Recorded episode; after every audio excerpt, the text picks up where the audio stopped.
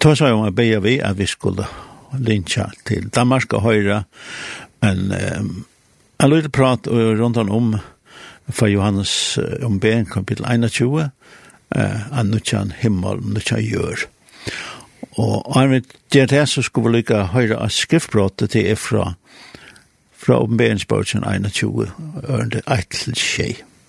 Nu sa jeg nu himmel og nu gjør, Tog hin fyrre himmelen og hin fyrre jøren var færen borst, og heve vær ikkje langkor. Jeg sa hin heilava sted, hit nutja Jerusalem koma nyr av himle, fra gode tilgjørdan som bror, og i er prutt fyrir brukka om søgnom. Og jeg hørte rødt fra hasetenom. Hon sier, Hikk, bostavur gods er tja menneskjonom. Han skal byggva tja taimon, Tei skulle vera folk hansara, og god sjálfur skal vera tjatheimon og vera god tarra. Han skal torska kvørst har av eion tarra, deien skal ikkje vera langur, og kvørstje sorg, skrutsk etla pyna skal vera langur, tog hitt fyrra er færre. Han som i haset noen sæt, sier, Hygg, jeg gjer i alt nøyt, og han sier vi med, skriva, tog hese år er og troverd og sann. Han sier vi meg, te er gjørst, jeg er i alfa og omega, oppheve og enden. Jeg skal djeva hinn og tysta a drekka fyrir åndsje av kjeld og lufsvansens. Tan og sikrar skal arva hetta. Jeg skal vera god hansara, og han skal vera sonur moin.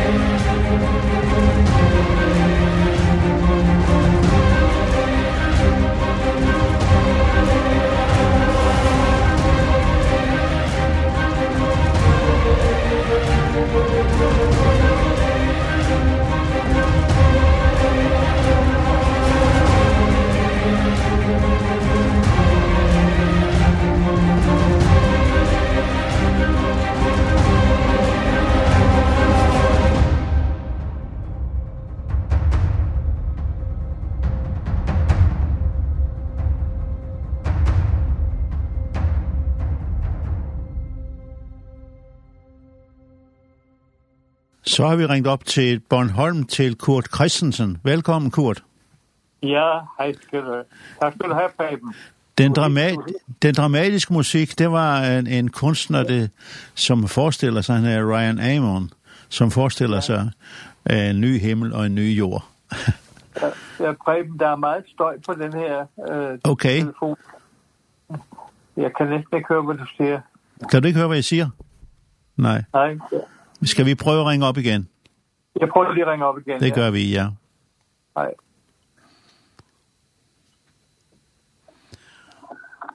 Ja, så er vi her igen. Ja, det er godt, Preben. Er det bedre ja. nu? det, det er en smule bedre. Der, en kan, smule... Være lidt knas, der kan være lidt knas på tråden en gang imellem. Ja, sådan er det, ja. Det, som jeg forsøgte at sige, det var, at den musik, du måske hørte lidt af, det var ja. en kunstner, der hedder Ryan Amon, som tænker så til, hvordan bliver det, når den nye himmel og den nye jord kommer ned, ikke? Meget dramatisk. Ja. Jamen, jeg, jeg hørte godt den der musik, jeg tænkte, hvad, hvad, hvad, hvad er det dog for en musik, og hvilken sammenhæng er det? ja, og det, det er fordi, vi lige før havde, der havde vi læst op uh, fra Johannes åbenbaring, kapitel 21, øh, ja. de syv første vers der hvor, hvor, hvor, hvor Johannes han får en åbenbaring, og han siger, nu så jeg en ny jord, en ny himmel og en ja. ny jord. Ja, en ny jord, ja, lige præcis. Ja. Mm. Vi som mennesker, vi tænker ofte om, uh, Kurt, um, og det her jordiske liv skal være overstået, så jeg kan komme hjem i himlen uh, sammen med Jesus. Ja, altså jeg, jeg prøver at, at fange, hvad du siger, øh, øh, men der er så meget støj på der. Øhm, okay. Men, en, ja, men jeg, skal vi prøve at gennemføre det alligevel? Ja, lad os prøve det. Vi hører meget godt, hvad ja. du siger. du, du, skal, du må bare prøve at tale tydeligt. Og ja. du citerer altså fra Johannes Åbenbaring 21, hvor han siger, jeg så en ny himmel og en ny jord. Ja. For den, for den første himmel, og den første jord var forsvundet, og havet var ikke mere. Så så han en hellig by, det nye Jerusalem, kom ned fra himlen, og så videre. Ikke? Og det er jo et fantastisk kapitel, det der. Mm. Hvad, hvad tænker du, når, når du læser det der, Kurt? Hvad, hvad siger det dig om, om, om, om vores fælles fremtid? ja, altså, det, det er jo, når vi ser, hvad der sker på jorden i dag, og hører det, og det gør vi jo alle sammen, altså lige nu det store jordskælv i Marokko, ikke? Og vi og vi vi lider med de lidende der. Men øh, også øh, vi hører krig, jordskælv her og der. Klimaet forandrer, så det er jo ikke bare menneskene der der har der der ødelægger klimaet. Det der er også en en almægtig Gud der har skabt det hele som øh, øh, også har sine tanker og sin plan, hvor vi skal tænke på, at Guds plan med jorden den fuldendes. Og til sidst, så vil denne her jord brænde op, fordi der er så meget synd og så meget uretfærdighed. Så jord, jord og himmel vil brænde op, og så er det, at der kommer en ny himmel og en ny jord, hvor retfærdighed bor. Så vi, selvom vi altid har sagt det, at det er de sidste tider, så vi kan jo helt næsten ikke sige andet. Jeg har hørt det hele livet, og jeg har også selv forkyndt det det vil jo altid på en måde være de sidste tider, og er man reddet til at dø, så er man jo også reddet til, at, at, at det er Jesu genkomst, vi venter. Øh, så det ligger jo i den, i den kristne natur. Men jeg tror altså, vi skal åbne vores øjne og også åndelige ører og se og høre, hvad der sker i tiden. For mig er det altså et tydeligt tegn på, at det nærmer sig tidernes ende. Og det store tegn, det er jo, at disse her stater, som nu udvikler atommagt, de er kun et for øje, og det er udslettet Israel simpelthen fra jordens overflade, og det er nok det største profetiske tegn hvor hvor hvor Gud siger jeg sætter kæbe, jeg sætter mine kroge i dine kæber, godt i Magos land, ikke? og jeg trækker dig ned på Israels bjerge, og der vil jeg tilindgøre dig. Altså, der er så stærke profetiske ord, Det, jeg, jeg, jeg mener ikke, at det egentlig forandrer så meget, for jeg tror, vi alle har en levende tro, men det får lige, det får lige den her vækkelse, så vil jeg, vi tænker på vores familie, vores børn, vores børnebørn og oldebørn, hvad med dem? Jamen, det må appelleres til simpelthen at bede. Og, og ligesom vi har den bevægelse, vi har haft bare i den her sommer, en, en stor tørke i juni måned og øs regnvejr i juli måned, det er noget usædvanligt, det der sker. Så det her, hvor, hvor vi er på øen, hvor vi også beder meget, og jeg bøn i aften blandt andet, så beder vi simpelthen, Herre, ske din vilje, komme dit rige. Det, det, som vi talte om før, eller det du læste op, en ny himmel og en ny jord, det er jo noget, som normalt ikke tales meget om. Nej, altså, det, det, det, det, det er også fordi, det overgår det overgår næsten vores fantasi, og det overgår vores forståelse. Men det er jo skrevet, øh, og, og det kræver næsten, men det giver Gud gerne en, en visdom og åbenbaringsånd. Øh, det her kapitel, det er jo Johannes åbenbaring. Og åbenbaringen, der er man altså nødt til også at have åbenbaring, når man læser den. Der er mange teorier om, om ting i åbenbaringen, men der er også noget, der er indlysende. Og det indlysende er, at Gud vil aldrig udsætte jorden gennem vand. Det er derfor har vi regnbuen. Men øh, øh, afslutningen på denne jord og himlen, hvor de onde ånder øh, huserer, det bliver det hele brænder op. Og så bliver der en underlig ny jord og en ny himmel. Og der tror jeg, vi skal være alle sammen. Og, også have vores tjenester, vores og se hinanden og kende hinanden det fremtidsperspektivet, det er altid, at Gud bliver alt i alle, og Kristus bliver alt i alle, og alle knæ bøjer sig for Kristus, siger, Kristus er Herre. Så det er faderen, sønnen og helligånden, der er simpelthen der på den, i den nye himmel og ny jord, hvor det hele smelter sammen i det, det skulle være i Guds oprindelige skabertanke. Mm. Der, vi, vi læser i, uh i, i første Mosebog, eh efter søndefaldet, så kommer der nogle, øh, nogle, bemær nogle ting fra Gud, siger, at du skal føde dit børn i smerte, du skal, når du høster, så skal det være tisler og alt muligt. Øh, det var der ikke i Edens have. Ja, altså det, det var jo syndefaldets forbandelse, simpelthen. Det var, at øh, Gud har skabt mennesker af jorden, Og nu kom vi til at kæmpe, øh, kom vi til at, at kæmpe med jorden, og jorden skulle bære tjørn og tissel og så videre. Øh, og, og det er jo den, man kan sige, næsten forbandelse, der ligger, og vi, vi, vi arbejder, og samtidig med, at det er Guds kald, vi arbejder, vi opfinder, vi arbejder på denne jord her. Og, og det er utroligt ting, hvad menneskeheden har opnået. Ja. Ehm um, der, der, står, der står også, øh, der står om, øh, der disciplene møder ude ved Genesaretten, de møder Jesus, så er han en læme. Han har et læme, og han, han laver et bål med fisk og så videre og spiser. Skal vi få nye læmer også? Prøv lige at gentage det, fordi at det, ja, der, der nej, det, her... det er uheldigt, det er sådan en dårlig forbindelse, siger. Jesus fik et nyt læme efter opstandelsen. Ja. Og ja. skal vi også have det? Ja, jamen altså, efter opstandelsen, altså ligesom Kristus, vi, vi ligner jo Kristus i alt, vi er mennesker, og Kristus blev menneske for vores skyld, og han blev menneske for at guddommeliggøre os, og gav os liv simpelthen, og gav os heligåndens liv, for at vi skal, og gav os evigt liv, og vi skal opstå fra de døde, og, og få et herlighedslæme. Og i det herlighedslæme, der tror jeg altså ikke, vi skal slide med jorden og med andre ting.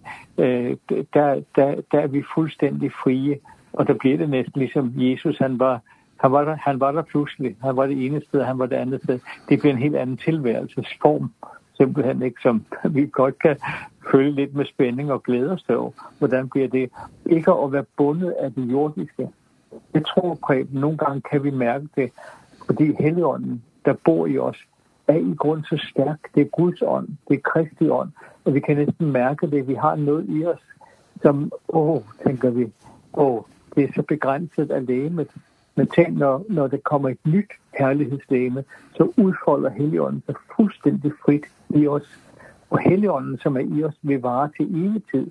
Det er den samme Helligånd, der følger med i vort herlighedslæme, og vores personligheder følger med i herlighedslæmet det er, en, det er stadigvæk en præben, der opstår fra de døde, men nu fuldstændig fri og fyldt med helligånden. Og det er jo et fantastisk perspektiv. Guds plan var at bo sammen med menneskene som han havde skabt. Ja. Og øh, der står her i, i, i det tredje vers, i det vi lige har læst, der står, at Gud fandt nu, kun, skulle nu bo hos menneskene, efter at den nye jord og den nye himmel kan komme. Ja, ja. Fordi der var, Jesus havde banet vejen for det. Ja. Han havde tilindegjort synden.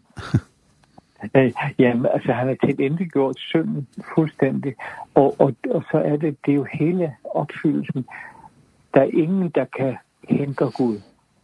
Satan er til endte gjort. Der er ikke noget, der kan stå imod Gud. Altså sejren er vundet. Det er ligesom, men det tager sin tid. tidsalderen ruller indtil det er slut med den jord. Og så er vi nu i det, i det himmelske i det himmelske perspektiv. Og der er opfyldelse fuldstændig, som Gud har tænkt sig. Han skabte os jo til at være i hans nærhed. Han skabte os til at vandre blandt os, som han vandrede i haven hos Adam og Eva. Og, og det er den der vidunderlige virkelighed, der bliver, når ikke der er nogen synd, når ikke der er nogen forbandelse, der er ikke nogen øh, onde mennesker mere. Øh, der er ingen vold, der, der er ikke myrderier længere, der er ingen tyverier. Øh, øh, alt er afklaret, og vi er alle fyldt med Kristi ånd, den hellige ånd, og, og, og ligner Kristus, og får en ny vidunderlig tilværelse i himlen. Og det er ikke bare at sidde og synge lovsange hele tiden.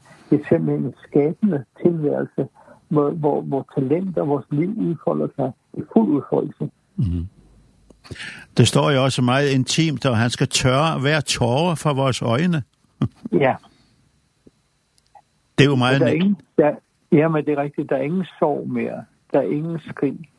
Der er ingen tårer. Og så er det måske dem, som har gået igennem mange lidelser. Måske også for Kristi skyld. Øh, øh, martyrerne. Øh, og, det, som, og mennesker, der har mistet livet alt for tidligt. Altså, og der kan også være, men der kommer ingen tår ind i himlen. Tårne bliver tørret af.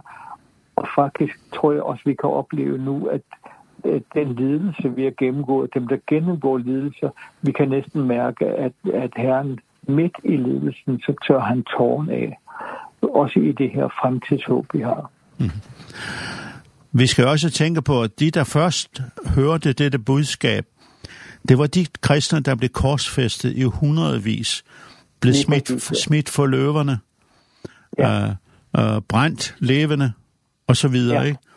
Ja. Øh, så, så det budskab her må have været fantastisk for dem at høre.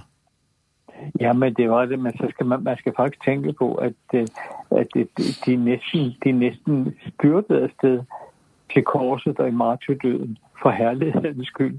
Altså, øh, på den tid, det, det, var, det var jo så stærkt, den, den forfølgelse og det håb og, og på en måde er det, er det det samme igen. Det, det er fordi, vi bliver, vi bliver så indskrænket i, i, i vores menneskelige tanker og menneskelige liv, at vi mister, nogle gange mister vi simpelthen gnisten i det guddommelige håb, som i den grad oplyser vores til, tilværelse. Øh, Inger og jeg, vi har lige bedt her til morgen, tak han. Vi har bedt om her, det var vores hjerne klar til det sidste, og den dag, du kalder os hjem, så er vi parat til at gå ind i himlen. Mm. Altså, det er jo et pragtfuldt håb for os mennesker. Ja. Og for, også for den tids kristne, hvor, han, ja. hvor det bliver, han får beordret til at skrive, skriv, disse ord er troværdige og sande. Ja, lige præcis. Ja. ja. Og det, det var jo også, altså, tænk på Johannes der på Patmos, ikke? yeah. øh, som så var fange på grund af sin tro. Han var jo martyr også på den måde. Øh, øh, det blev han jo også, men øh, han, øh, så skriver han den der åbenbaring, som faktisk vil være skøn og gennemgå stykke for stykke under Helligåndens vejledning. Det har vi gjort her i øh, for nogle år siden gennemgik vi det hele øh, stykke for stykke og Helligånden var i den grad med så vi mærker det faktisk og de der CD'er, de lever stadigvæk rundt omkring i, i landet. Det, det, desværre så blev masterbåndet stjålet, mærkværdigvis nok, for kirken. Men øh, jeg, jeg vil faktisk råde til, at man på ny tager åbenbaringen op og læser, måske små grupper, eller man læser det sammen i kirkerne. Fordi der har vi åbenbaringen, og bare den, den, den herlige afslutning i åbenbaringen, den, den er jo den, den er jo formidabel, ikke? Altså, det, det hele slutter med, at uh, Herren Jesu nåede være med jer alle, ikke? Uh, han som fortæller de her ting, siger, jeg kommer snart, ja, Herre Jesus, kom snart, Herren Jesu nåede være med jer alle. Sådan slutter Bibelen. Ja, ja. Og, og selvom vi ikke er i samme situation som de kristne, der først læste det her budskab, så er det for os en stor opmuntring at læse det. Ja, det er det der, der sker det med Bibelen, Prem, det ved du også. Der sker det med Bibelen, at Helligånden er i ordet. Altså, ordet er jo levende, det er næsten ligegyldigt, hvad vi læser. Selv klage sammen. Det er næsten ligegyldigt, hvad vi læser i Bibelen. Helligånden bærer det igennem.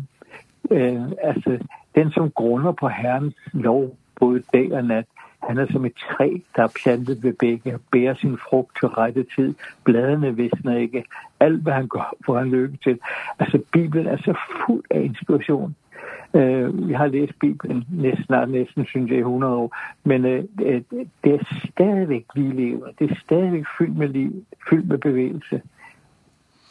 Det, det er fordi Helle, det er jo hele ånden, der har skrevet Bibelen. Ja.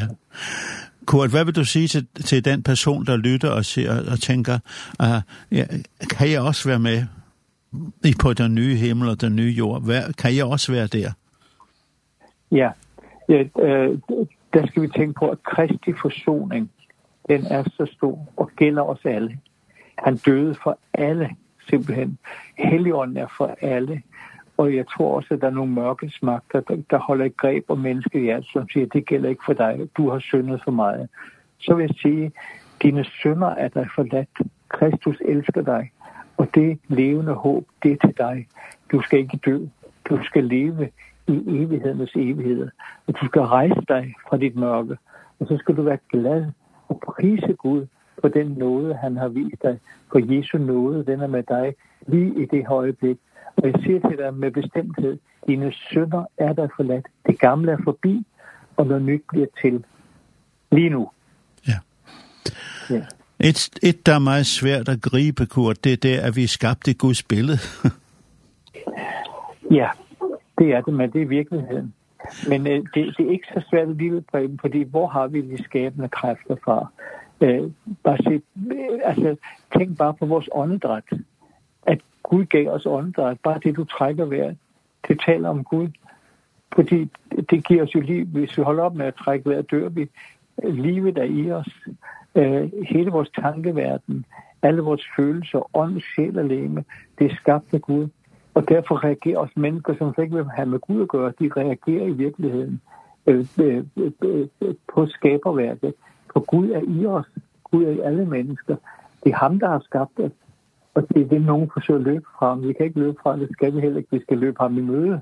Og så har han blevet vores far med Jesus Kristus. Øh, øh, og, man kan man så er det man kan godt bede om visdom. Visdom det er at bede om det man ikke forstår og ikke kender. Man kan bare bede Gud giv mig visdom. Giv mig åndelig visdom. Ligesom indsigt i tingene, hvis man er i tvivl. Ikke? Ja. ja. Kurt, du skal have mange tak, vi får lov at ringe dig op, og, og selvom forbindelsen var dårlig, så, så er det vores håb, at alle kunne få alt med. Jeg håber jeg, altså for, forbindelsen er ikke dårlig til himlen, men det, Nej. det, det, det, det, det, der, der er noget mellem Færøen og Danmark, det må vi have udryddet. Ja, ja. det der knuder på strået. Ja. vi, se, vi ses, Preben. Ha det godt. Ja. ja. ja. Hej, hej. Hej, hej. Hej, hej.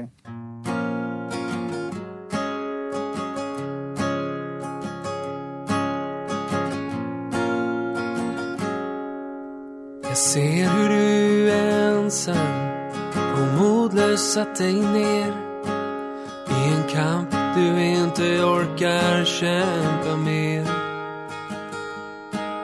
Om du inte får falla in i Jesu armar Vems armar ska du då falla i? Din väg är känns lång och i stormarnas land. Har du famlat efter en skyddande hand? Om du inte finner ro i Jesu armar I vems armar ska du då